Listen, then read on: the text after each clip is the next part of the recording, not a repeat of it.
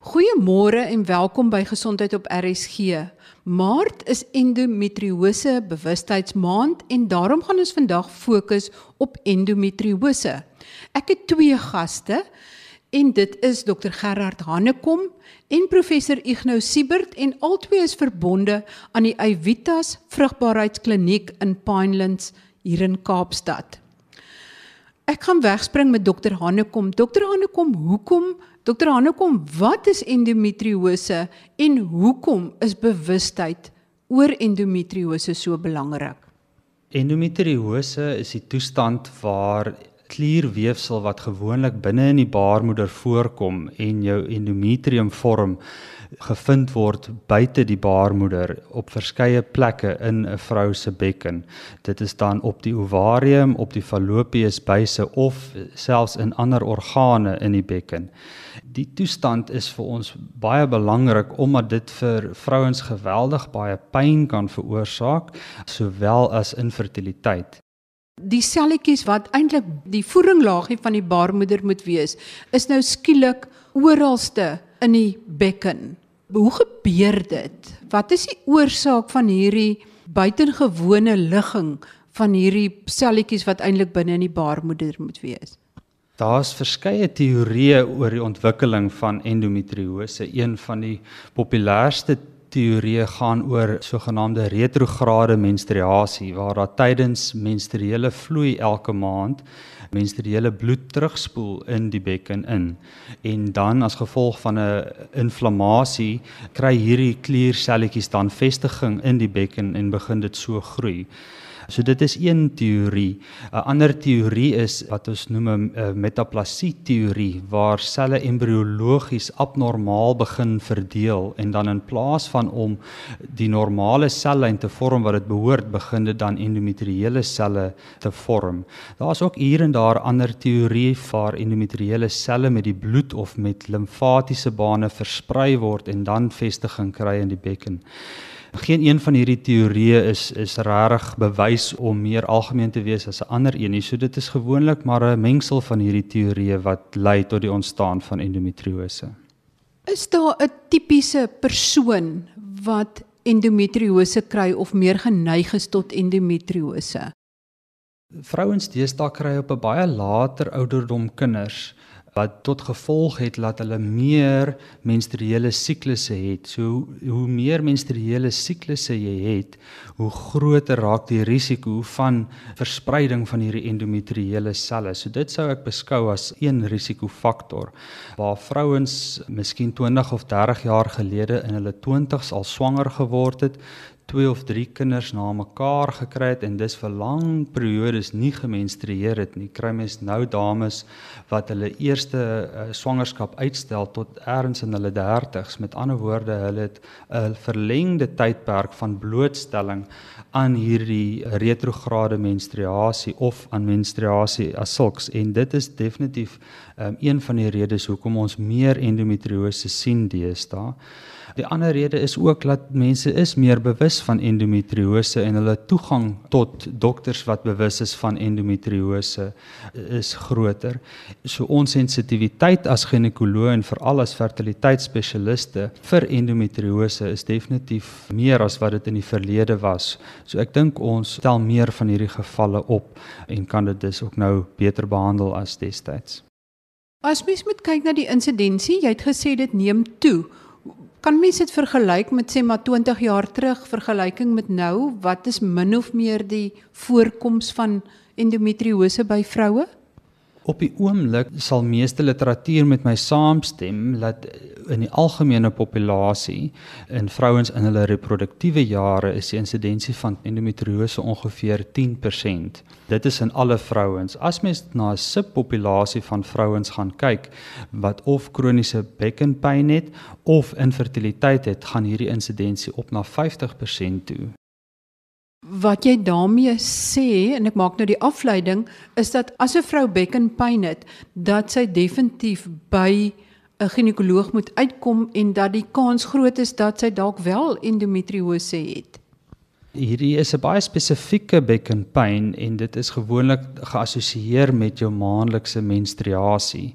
So ja, definitief dames wat pynlike, erge pynlike menstruasie ervaar elke maand, moet definitief hulle ginekoloog raadpleeg.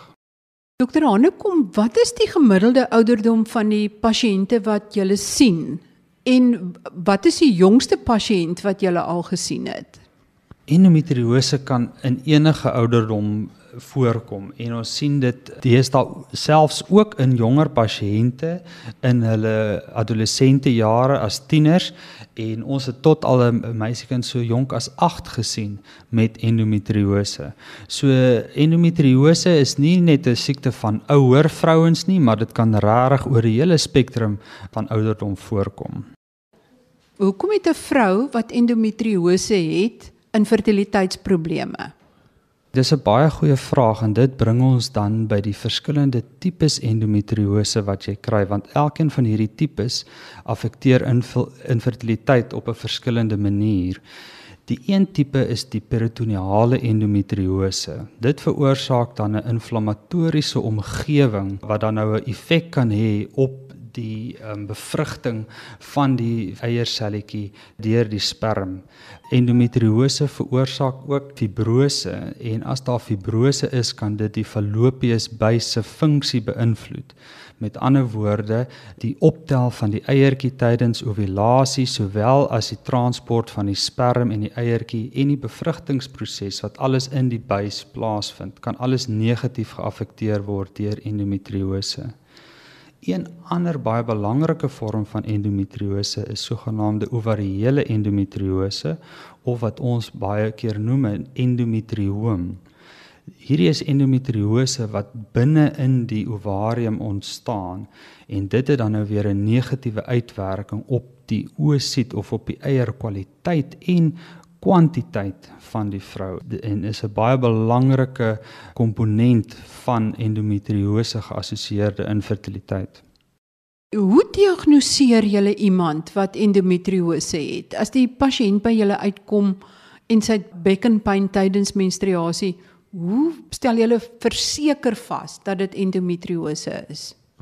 Endometriose kan bloot op 'n goeie geskiedenis gediagnoseer word en daar's definitief 'n plek vir mediese behandeling bloot net gebaseer op die geskiedenis wat inskakel met endometriose. Die ander manier om endometriose te diagnoseer is tydens 'n laparoskopie waar ons dan met 'n kamera in die bekken kyk, fisies die letsels van endometriose identifiseer en dit terselfdertyd behandel en uitsny of 'n brand, maar dan ook terselfdertyd 'n uh, stukkie weefsel neem as 'n biopsie sodat ons die endometriose histologies onder 'n mikroskoop kan bevestig. Hoe lyk endometriose wat op weefsel is? Wat maak dit so pynlik is? Wat sien julle as julle laparoskopies binne in die vrou se bekken kyk? Endometriose het meer as een vorm en verskillende vorms. Die groot ding wat pyn veroorsaak is die inflammasie. So onthou hierdie endometriotiese selle is sensitief vir sirkulerende hormone en dit is hoekom hierdie pyn en inflammasie maandeliks plaasvind waar daar dan inflammasie is in die lokale inflammasie stel dan prostaglandiene en inflammatoriese selle vry wat pyn veroorsaak endometriose wat lankstaande is en ook wat diep en infiltrerend is, kan dan ook sekere senuwees betrek en dit is ook wat baie pyn veroorsaak. So die betrekking van ander organe soos die darm of die blaas kan dan ook die rede wees vir die erge pyn. Beskryf vir my die letsel wat jy sien, hoe dit lyk. So mense kry 'n tipiese swart letsel wat swart spikkeltjies is en dit is gewoonlik as gevolg van hemosiderin neerslaa. Dan kry jy ook witterige fibrotiese letsels, meer fibrotiese letsels. Jy kry ook knoppige en nodulêre voorkoms van endometriose, maar dan kry mens ook atipiese subtiele letsels van endometriose wat as klein sakkies in die peritoneum voorkom of geringe veranderinge in patrone van bloedvate. So daar is ook baie subtiele vorms van endometriose en dit dit verg 'n spesialis met kundigheid om nie net dit te behandel nie, maar om dit ook ook raak te sien en dan verder te kan behandel. Is daar enige medikasie wat dit kan help verlig of is om dit met chirurgie te verwyder al opsie? Die hoeksteen van mediese behandeling van endometriose is hormonale onderdrukking. Ek het gesê die endometriose is afhanklik van sirkulerende hormone en dit is wat dit maandeliks laat groei as dit ware. So as mens dit hormonaal kan onderdruk, is dit 'n baie effektiewe vorm van behandeling. Die probleem met mediese behandeling nou net is dat dit uh, nie uh, verenigbaar is met swangerskap nie.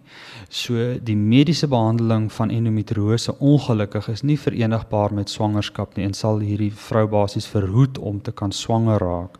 So 'n vrou wat dan graag wil swanger raak, sal 'n chirurgiese benadering van endometriose beter wees om endometriose te verwyder, seker te maak al die bekkenorgane is struktureel intakt en funksioneel en dan vir haar toe te laat om spontaan swanger te raak.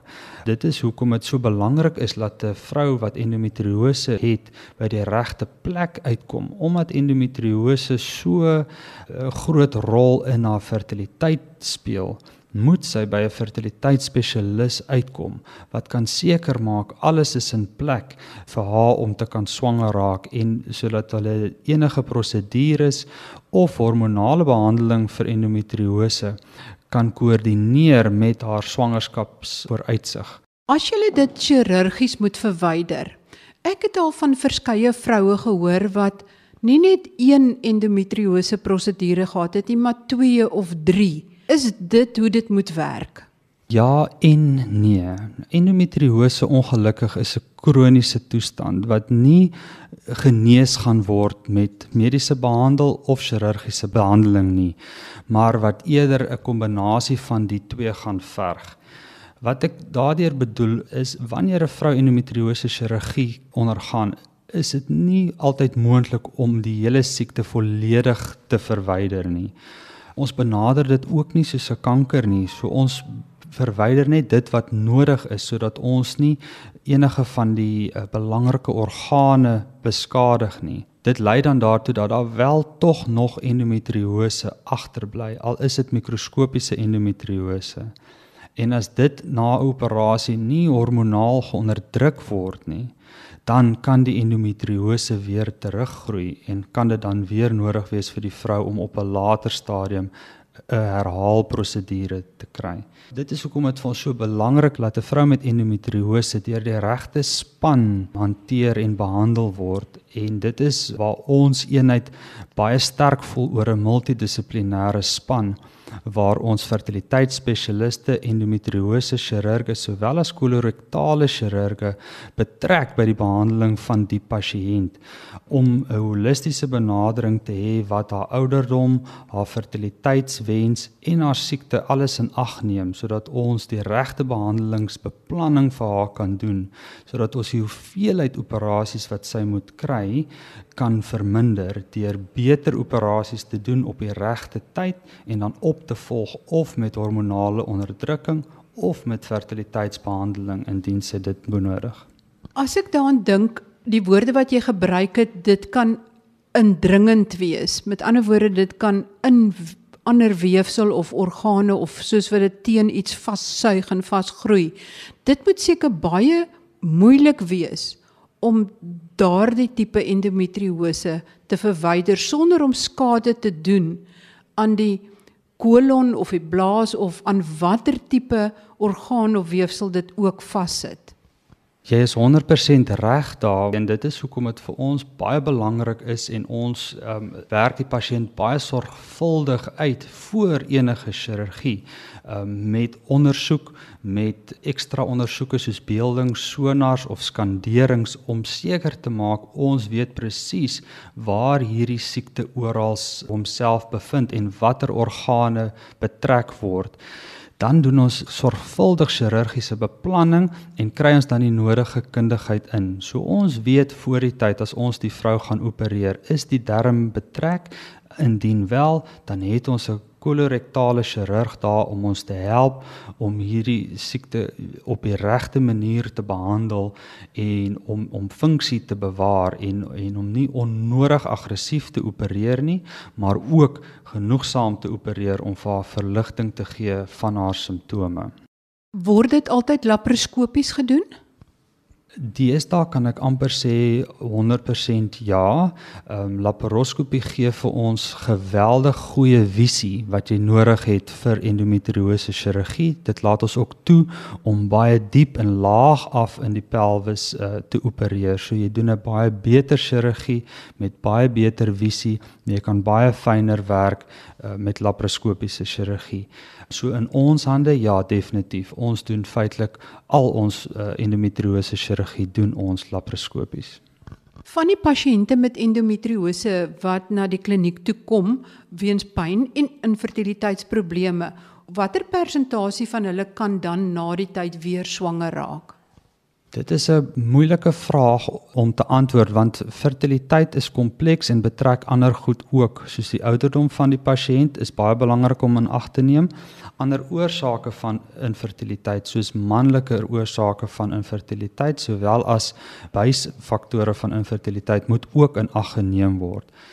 Dit daar gesê sien ons dat vrouens dat daar wel 'n spontane swangerskapsyfer van tot en met 50% is vrouens na endometriose chirurgie. So as 'n vrou die potensiaal het om spontaan swanger te raak, met ander woorde haar fallopies buise is oop en haar man se semenanalise is normaal en sy ovuleer elke maand, produseer 'n eiertjie elke maand, kan endometriose chirurgie haar kans om spontaan swanger te raak met 50% verbeter. Dokter Hanekom, wat sal jou sleutelboodskap wees aan die luisteraars? My sleutelboodskap aan die luisteraar is is om so gou as moontlik by die regte plek uit te kom en met die regte kundiges te praat en en om te besef dat endometriose 'n kroniese siekte is wat jou fertiliteit oor 'n lang termyn negatief kan beïnvloed.